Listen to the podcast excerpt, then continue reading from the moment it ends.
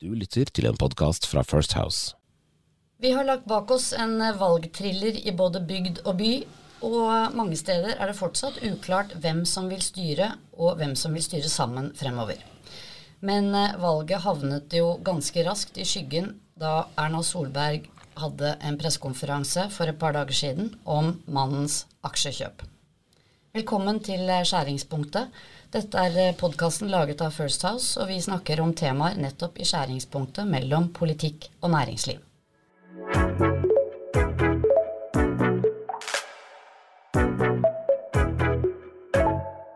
Mitt navn er Cecilie Ditlev Simonsen. Jeg er partner i First House. Og det er de to kollegene jeg har med i studio også. Jon Georg Dale Hei. og Sigbjørn Aanes. Hei, hei. Ukens hovedtema er valget, og vi skal dit. Men eh, vi pleier alltid å også ha en ukens snakkis, og vi begynner der. Og det var ikke noe særlig tvil. Vi må innom temaet Erna Solberg og hennes mann, Sindre Finnes, som har kjøpt mange aksjer mange ganger i perioden mens Solberg var statsminister. Og aller først, Sigbjørn, du var statssekretær eh, ved statsministerens kontor og en av Erna Solbergs nærmeste rådgivere i mange år. Kan du snakke om dette? Ja, det, det kan jeg, men det er jo ikke noe tvil om at dette, dette er vanskelig å uh, på, påvirke nattesøvnen i, i helga om dagen. Men uh, for det, det er jo en helt sinnssyk situasjon. Altså det, er det er litt sånn det føles som å leve i et parallelt univers. Eh, fordi at her har jo Sindre Finnes lurt en hel verden, inkludert sin kone. Og, og det er jo alvorlig i seg sjøl, men det er jo enda verre siden det skjedde mens hun var statsminister. og jeg har jo sjøl hatt aksjediskusjon med, med, Sindre mens hun var statsminister, og, og, har skriftlig fremdeles på SMS at han bekrefta at han ikke hadde kjøpt nye aksjer, og at det han hadde var små posisjoner. Så, så det jo, føles jo helt surrealistisk, det, den situasjonen han har satt der i partiet, og måten han har kalkulert ført, ført alle bak lyset her. Er det mulig å ha sympati med Sindre Finnes likevel? Ja, det er det absolutt. Altså, man blir jo på ene måten sint, men, men eh, det er jo ikke tvil om at, eh, at det er en mann som, som nok nå har det veldig tungt.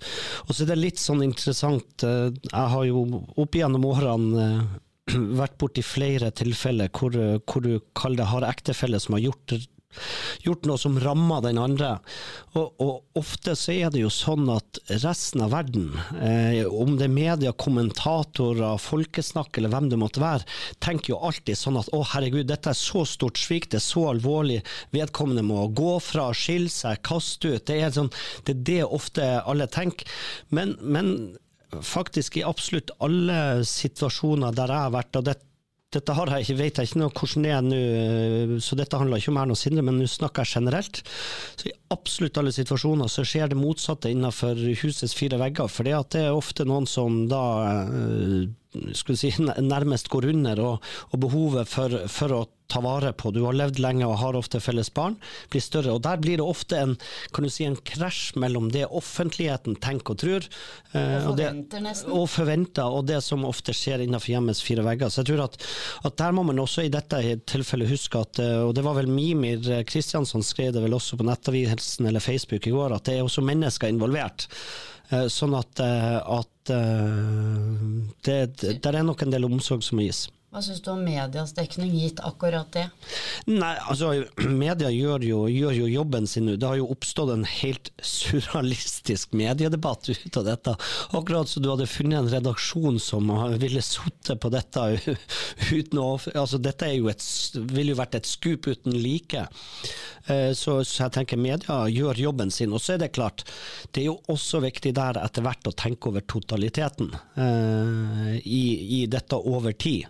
Eh, men de kan ikke annet enn å, enn å, gjøre det de gjør nå, og det å, det å, si, det å undersøke og, og granske og, og, lete etter noen sammenheng her. Det er jo en del medier i hvert fall som nå er opptatt av uh, i hvilken grad Høyre og Erna Solberg satt på denne informasjonen til over valget, for at det ikke skulle påvirke valgresultatet. Hva tror du om det?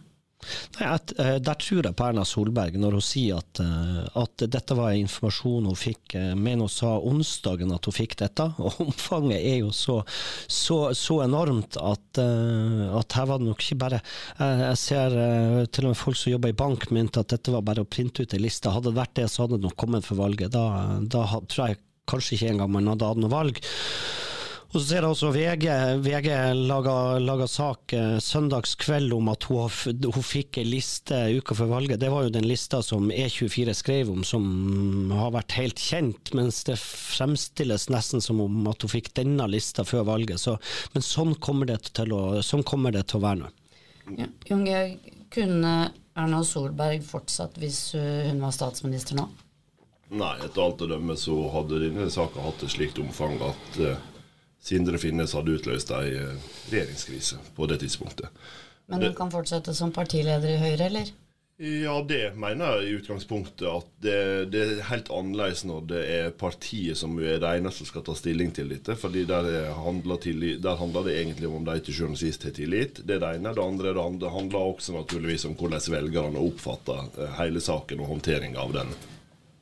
Men jeg tror det Sigbjørn er inne på, viser to ting ganske klart. Det ene er at det som vi ofte snakker med kundene våre om, nemlig kjølig distanse når du skal håndtere den type saker, det, det er lettere å gi råd om enn å gjennomføre i praksis. Du blir på en måte Når du står til knes i gjørme, så, så slåss du for den posisjonen med det utgangspunktet. Det, det gjør også at håndteringa blir deretter. Jeg syns i utgangspunktet Erna har håndtert dette bra fra starten, men tida vil jo vise om det kommer mer som vi ikke vet nå. Men det andre det egentlig sier noe om, er det er spørsmålet satt Høyre på dette? Det er i hvert fall én ting jeg vet at vi ville ha gitt som råd hvis vi var rådgivere for et selskap som hadde en veldig krevende situasjon, og det var sørg for å vite alt før du begynner å kommunisere. Få oversikt over situasjonen. Det er ikke alltid det er mulig, da. Nei, det er ikke alltid det er mulig, men, men vi, det ville vært rådet vårt. Få oversikt over denne situasjonen. Prøv å finne ut mest mulig, og ikke kommunisere noe før du har kontroll på det. Så punkt én. Hvis de har brukt mer tid enn de hadde trengt om på å få det til, så ville jeg tenkt det ville vært et fornuftig råd å gi til alle aktører. Det, det, det andre er at nettopp fordi det er et så åpenbart valg, så ville alle partier gjort det. De vil naturligvis håndtere situasjonen. Det har jo også Jonas Gahr Støre gjort. Han har håndtert situasjonen så snart han har hatt nok informasjon til å gjøre det. Men han har ikke gjort det før.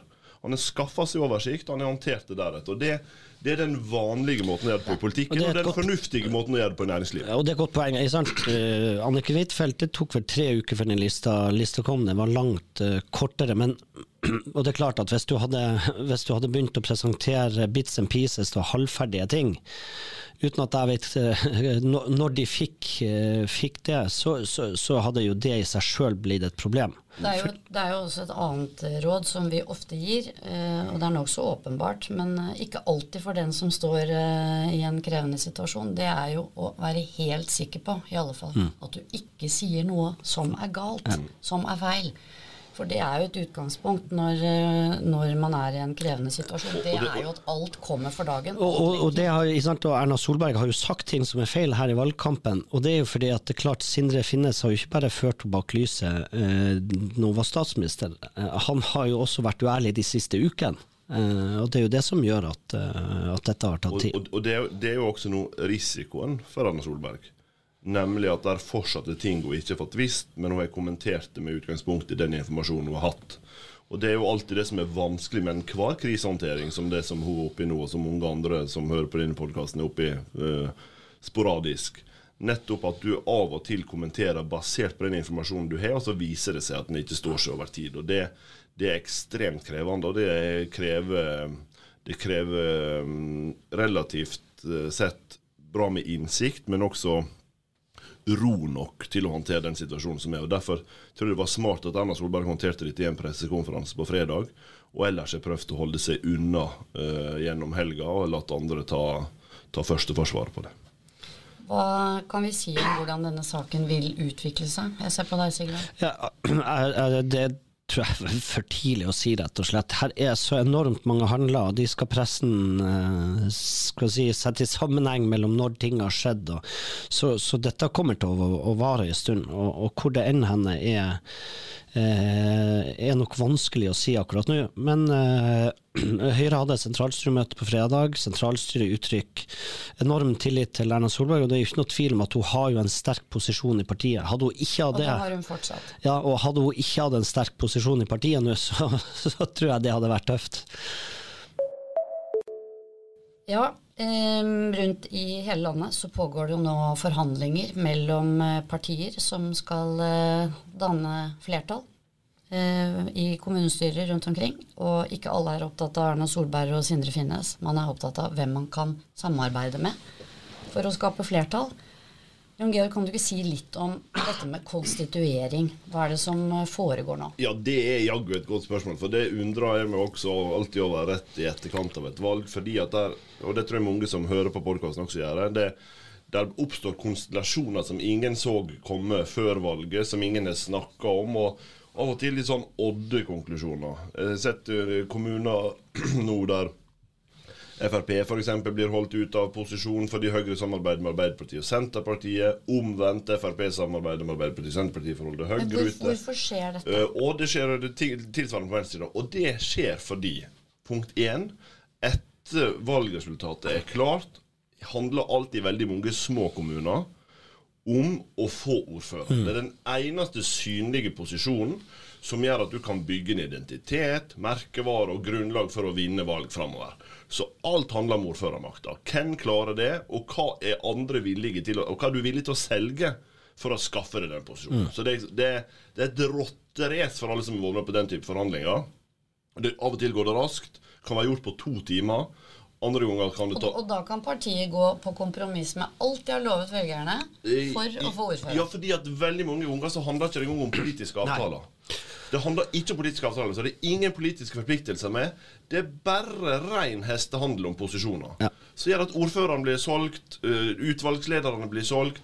Og så blir det et øh, sabla rot når politikken skal munne ut meiseslig her. Men det som skjer i mange tilfeller da, så la oss se det brukte Høyre og Frp som eksempel, det er jo at de kan jo vinne politikken i fellesskap etterpå. De er bare fordelt øh, annerledes. Og det er jo fordi at kampen om verv er så utrolig viktig, spesielt i lokalpolitikken. Og jeg vil sagt, jo mindre kommunen er, dess viktigere er det. Nei, det er ikke så lett for velgerne å forstå det. Altså man, man stemmer på et parti og satser på at uh, får det partiet mange nok stemmer, så er det liksom politikken som skal være det viktige. Ja, og i dette valget tror jeg spesielt vi har sett at det har jo blitt et litt blokkvalg. Det er 250 000 velgere som har flytta seg fra tradisjonell rød-grønn side til borgerlig side. Og så plutselig så duk, dukker de opp og har sett uh, Sylvi Listhaug, Erna Solberg og Olaug Bollestad og Guri Melby stå på og liksom bli mer og mer sammensveisa på borgerlig side gjennom valgkampen. Og så blir konstitueringa over blokka med en, arbeider, med en Arbeiderpartiordførerkandidat på den andre sida. Og Det er vanskelig å forstå, men er, den diskusjonen har vi hvert år etter kommunevalg. Så det, det enkle svaret er at når en har hatt det sånn i 50 år, så kan ikke en bli så overraska til slutt. Nei, og her, her må man skille om, mellom det som er politiske avtaler, og det Jon Georg snakker om nå som er valgteknisk, som er ren hestehandel om posisjoner. I de fleste kommuner så er det hovedsakelig valgteknisk samarbeid som handler om hvem skal få ordførerposten, varaordførerposten og gjerne leder av planutvalget og helse. Det er liksom de posisjonene som er, som er interessant, og da blir det kjempemasse gøy som, som skjer, og vanvittig mye rot. og Uh, ja, Sandnes var jo veldig spesielt, det må man jo kunne kalle amatørenes aften. Når, når Høyre først undertegna et samarbeid med Frp, så brøt de med Frp og gikk til de andre, før de kom krypende tilbake, og så gikk det i orden. Ja, men, men, men det som er interessant med dette, og liksom for oss som skal snakke om det som skjer i skjæringspunktet mellom politikk og næringsliv, er jo at i veldig mange av disse kommunene der det er sånn valgteknisk samarbeid som nå gir utslag i ordfører og lignende, er at vi kjenner ikke til politikken. Så hva slags politikk vi får ut av det, det er helt i det blå. Krever analyse for å posisjonere seg rett for å få gjennomslag i den type kommune. Men, mens i en del andre kommuner der det ligger politiske samarbeidsavtaler i bunnen, sånn som vi kommer til å se når byrådene f.eks. til slutt lander i Oslo, og de gjør det i Tromsø og, og i større områder, med av, avtaler i bunnen, der er det i mye større grad mulig å se hva partiet i hvert fall har tenkt at de har som et minste felles multiplum. Og det gjør at det ser helt ulikt ut rundt om i landet. Og der, der mener jeg, der, der, trenger man jo heller ikke å sitte, sitte i ro og vente. Det, det, er masse lokalt næringsliv som også bør engasjere seg i hva som blir det politiske samarbeidet, og hva som skal være en del av det også, også framover. Og det kan jo handle om alt fra selskaper som, eh, som tilbyr tjenester til kommunen, selvfølgelig, ja. eller, eller, også bolig. Men eiendom er veldig eiendom. viktig og, og, og stort her, for der har kommunene makt. Og veldig mange bedrifter ville jo nå tenkt, hvis dette var et stortingsvalg, at nå var, og det var avklart hvem som vant, det var hvordan skal vi komme oss inn i regjeringsplattformen med de formuleringene vi vil. Men det realiteten nå er jo at det skal skrives utallige typer samarbeidsavtaler eller politiske plattformer på nivå med regjeringsplattformen rundt om i mange større byer og større kommuner de eh, neste ukene nå. Og Det betyr jo at føringa lagt der gir også stort potensial for gjennomslag de neste fire åra i, i byområdene. F.eks. er jo da eiendomsprosjekt et av, et av mange tema der kommunene har eh, i alt hovedsak alt ansvar for uh, hva slags potensial som skal forløses de neste åra. Ja, og det vet vi jo, for vi har jo dialog med mange eh, bedrifter selvfølgelig, som er veldig raskt på banen og bevisst på dette, og opptatt av å påvirke politikken i de regionene hvor mm. de har virksomhet. Ja, fordi enkelt sagt nå legges føringene, som eh, kan gi resultat om to, og tre og fire år.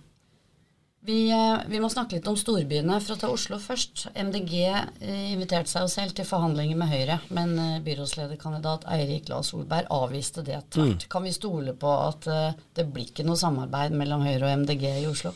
Nei, Der tror jeg nok utgangspunktet er, er ganske, ganske, klart. Høyre ønsker et skifte, og det betyr også å skifte ut MDG av byrådet. Hva annet kan vi si om eh, storbyene etter valget? Nei, Det vi kan uh, si om storbyene, er at det gikk i stort enda dårligere med Arbeiderpartiet enn vi trodde. Uh, og i byområder der det så ut som om de skulle klare å vippe seg inn helt på tampen. Oslo lå jo lenge og vippa. Uh, Trondheim gjorde det samme. Stavanger hadde veldig gode målinger for en veldig populær ordfører i Kari Nessa Nordtun. Eh, så det var flere ting som så ut som at de kunne dette liksom Arbeiderpartiets vei helt på tampen. De gjorde det ikke likevel. Så det er jo det, det, er jo det ene. Det blir stort sett skifte i, i, de største byene. Hvorfor er det viktig? Jo, det er naturligvis viktig fordi at i mange av disse byene som det ligger an til skifte, nå er ikke det et klart borgerlig flertall. Det er en masse mindre parti som du er avhengig av. Eh, det er protestlister, som hvis vi går til Bergen Bergen er jo snart det eneste står på hele bystyret. Eh, men det gjør jo at også politikken blir uforutsigbar, og kompromisser blir vanskelig å se hvor de skal gå for seg over fire år. Fordi det vil være så vanskelig å sikre skiftende flertall for ting. Så uh, storbyene er, um, flere av de storbyene er mer, mer uforutsigbare nå, vil jeg si, enn vi har vært vant med at de har vært. Mm. Og det kan ha konsekvenser for næringslivet. Ja, altså, altså, den, den, trygge styringa som du kan kalkulere med, tror jeg liksom det, det, er rett å si at sånn som det ser ut nå, det er vanskeligere, i hvert fall i Trondheim og i Bergen. Eh, og kanskje en del andre byer også. Så ser vi at, at liksom, samarbeidskonstellasjonene blir av en slik karakter. Ja at for næringslivet blir det mindre forutsigbart by default. Det, og Dette er jo et frampek på hvordan eh, nasjonale politikken også kan bli fremover. og, og det vi, vi, har jo denne sykehusliste, eller pasientliste, eller kan kalles fra Alta, med en representant som, som jo fikk avgjørende vekt i eh, grunnrenteskatt på laks. Eh, og det har jo stadig blitt flere partier. Dette ser vi også i andre europeiske land. Eh, at du har ingen partier liksom, som er enormt store og dominerer, men enormt mange partier. og da blir det det blir litt eh, Texas når det skal styres. Og det, det, tror jeg jo, så I storbyene tror jeg det er tilfellet. Så vil jeg si at eh, Senterpartiet gjorde nok også et tross alt bedre valg mange plasser enn det mange kommentatorer trodde. Ikke et kjempegodt valgresultat, og du ser jo sjølransakelsen er allerede i gang. Men det viser også hvor verdifullt gode lokale ordførerkandidater er. For det er det som har mobilisert opp Senterpartiet i mange regioner fortsatt. Det er det. Så det er jo en annen lærdom å ta med seg ut av dette. Det er at eh, de skifter i en del av Distrikts-Norge ikke så store som en skulle tro. Så syns jeg det er verdt å merke seg en tredje dimensjon. Og det er jo at i områder der Arbeiderpartiet og Senterpartiet ofte er hovedkonkurrenter, så ser dette valget litt annerledes ut. Det er tilfellet i Trøndelag Der er det der liksom, Hva skjer i Steinkjer? Der er det Senterpartiet som blir skyvd ut fordi Arbeiderpartiet vil overta. Hvis du ser i Innland fylke, blir fylkesordføreren fra Senterpartiet vraka av et Arbeiderparti som søker valgteknisk samarbeid med Høyre og gir Høyre fylkesvaraordføreren for å skyve Senterpartiet ut. Og Tilsvarende har vi eh, litt rundt om i landet. Så der, der oppstår noen konstellasjoner også nå som jeg tror eh, reelt sett viser at lokalpolitikken er mer mangfoldig enn mange tror. Men, men spørsmålet er gjør det noe med samarbeidsklimaet mellom Arbeiderpartiet og Senterpartiet når de nå stikker hverandre i ryggen? For det lurer jeg på om vi ser analysen og alt er klart, om det faktisk er færre Senterparti-Ap-samarbeid enn vi har sett tidligere. Altså Nordland, eh, hvor, hvor jeg opprinnelig kommer fra, der er jo for første gang på 24 år skal ikke Arbeiderpartiet sitte eh, i og styre fylket. Senterpartiet har valgt høyresida. Så, så, eh, og det ser jeg i en del kommuner. Så blir interessant å se de ettervalgsanalysene, for hva betyr det for framtida? Det er det ene. Og det, det siste morsomme poenget som jeg syns er verdt å ha med seg på dette, eller morsomt det er ikke Morsomt, jeg ler jo ikke av det. Nei, nei, det syns jeg ikke er morsomt. Men men vi har snakka om Du er jo nerd. Ja, Ja. ja, jeg veit jo det. Du er jo ikke morsom, du er jo det nerd. fins jo ikke morsomme enig i det. Uh, men, men vi har snakka om Senterpartiet mange Morsom ganger. på fest, da. mange ganger i podkasten. Uh, men det som er interessant å merke seg, det er at gjennom valget i 2021, eh, som bygde på valget i 2019, så skjedde noe nytt med Senterpartiet. De etablerte seg i Nord-Norge. Senterpartiet har aldri vært store i Nord-Norge. Nå er det på tilbaketog. Så det som veldig mange frykta, også i Arbeiderpartiet, nemlig at Senterpartiet skulle bite seg fast i nord og stjele velgere fra venstresida øh, og kampen om mandater der, det skjer ikke. Så spørsmålet er vil vi nå se en framvekst av Arbeiderpartiet i nord igjen, og Senterpartiet på så mm. sterkt tilbake til òg, og miste såpass mange lokalpolitikere som de fortsatt gjør? Det gir også en spennende dynamikk. Jeg hadde tenkt å spørre dere litt om eh, Erna versus Jonas eh, frem mot eh, stortingsvalget, sånn, med, med utgangspunkt i det valget vi nettopp har vært igjennom. Nå har det jo skjedd ganske mye siden eh, valgdagen og valgresultatet forelå. Vi har snakket om det i, på, på begynnelsen av podkasten. Dermed kan det være vanskeligere å, å spå, kanskje, hvordan, hvordan ting utvikler seg. Men kan dere si litt likevel om For å ta Jonas først, da. Eh, liksom, hvordan påvirket dette valget eh, Jonas sin posisjon i Arbeiderpartiet og frem mot neste valg? Jonas vil jeg mene har gjort en ekstremt god valgkamp for Arbeiderpartiet i siste sluttspurt. De har mobilisert seg opp på tampen, de kom bedre gjennom valgkampen. Og Jonas har gjort gjennom partilederdebattene og andre debatter jeg så nå i valgkampen, en bedre innsats vil jeg si, enn jeg har sett noen gang tidligere. Han var tydeligere i budskapet. Han sto stødigere i vanskelige beslutninger.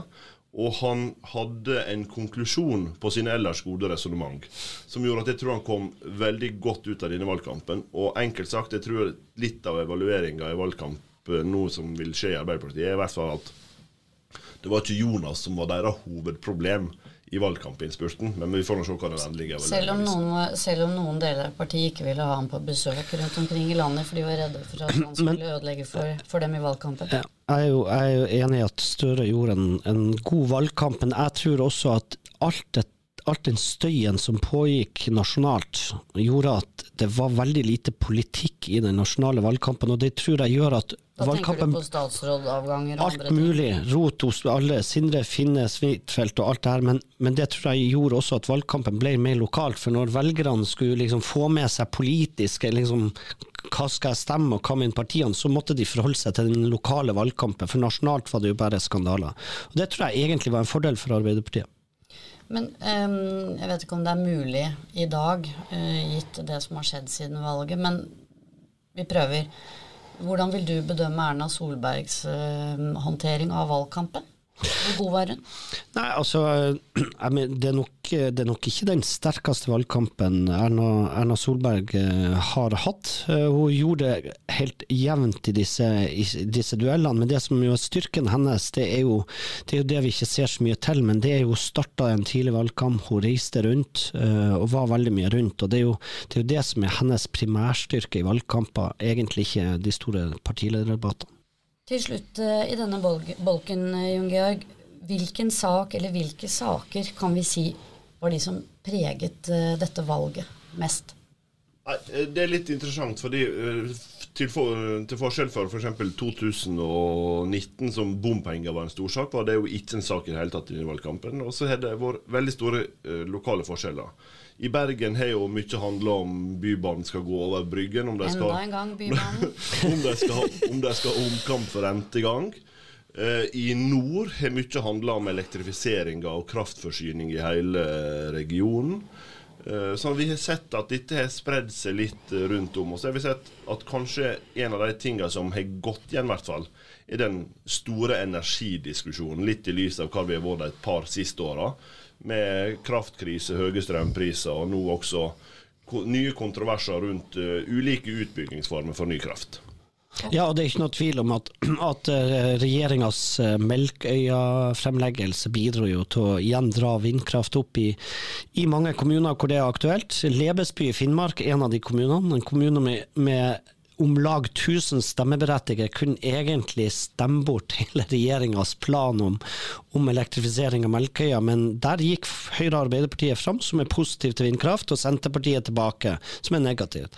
Skal det sies at Helga Pedersen i eh, nabokommunen, altså tidligere partisekretær i Unnskyld, hun ble aldri partisekretær. Tidligere statsråd og nestleder i Arbeiderpartiet, tapte veldig og skyldte på, på vind og, og Melkøya. Men, men, vi ser flere kommuner rundt omkring at, at også også partier som er positive til vindkraft, har gjort noen uh, gode valg rundt omkring. Og Det uh, gjør jo at kommunevalgkampen nå kan gi grunnlag for at det dukker opp nye politiske konflikter mot 2025.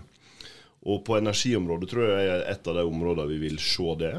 Fordi at kommunene er gitt større lokal eh, ja, Vi skal ikke kalle det lokal veto, men det er jo for alle praktiske formål det det av og til er i noen av disse kommunene med mer energiutbyggingsvennlige regimer der, så kan eh, det gi grunnlag for å bygge ut kraft noen områder.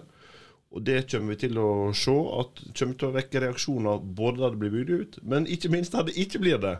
Fordi at vindkraftmotstanden har vi sett til over tid, f.eks. er vært sterk andre plasser. Så det, det gir på en måte noe nye runder uh, av det vi har sett før, men også noen nye muligheter for å faktisk få utbygd uh, ny energi mot, mot 2025. Ja, dere. Da skal vi til uh, et tema som kanskje er mindre komplisert å snakke om. Vi får se. Vi skal til ukens hodepine. Og Jon Georg, du ser bare helt sprekkferdig ut. Hva er det du vil dele med oss? Ja, fordi i lys av at det nå har vært et kommunevalg, så tenkte jeg at jeg skulle dele min frustrasjon over kommunepolitikere som ja, ikke oppheva, men begrensa mine tidligere politiske gjennomslag. For eksempel? For eksempel gjennom å tillate elsparkesykler. Fordi det, det, er lov, men de har antallsbegrensninger på det. Og det gjør at hver morgen når jeg skal på jobb, så er det tomt for sparkesykler på Sankthanshaugen. Så jeg må gå på jobb. Det syns jeg er bra, fordi at du har godt av å gå. Nei, men jeg trenger jeg, Altså, jeg har laga en lovregulering som gjør at dette er fint, og det, alle vil bruke det. Alle vil bruke det, det er at det ikke er mulig å få tak i en eneste sykkel. Jeg er egentlig enig. Det er altfor få på Frogner òg. Ikke mobb meg på vranger nå. Du plasserte meg akkurat i den vestkantbobla di. Det ødela jo hele min rant. Ja, for Sankthanshaugen er på østkanten, så nå, liksom. Så nå, nå, har jeg altså fått en ny hodepine. Men bruker du hjelm når du kjører sparkesykkel? Uh, da skal jeg sitere far min. Han sier hvis du først skal ramle, prøv å lande på hodet så du ikke skader noe vitale organ. Med det dere, så tenker vi at vi skal runde av eh, denne utgaven av eh, Skjæringspunktet. Politisk kalender kan vi heller snakke om eh, neste gang.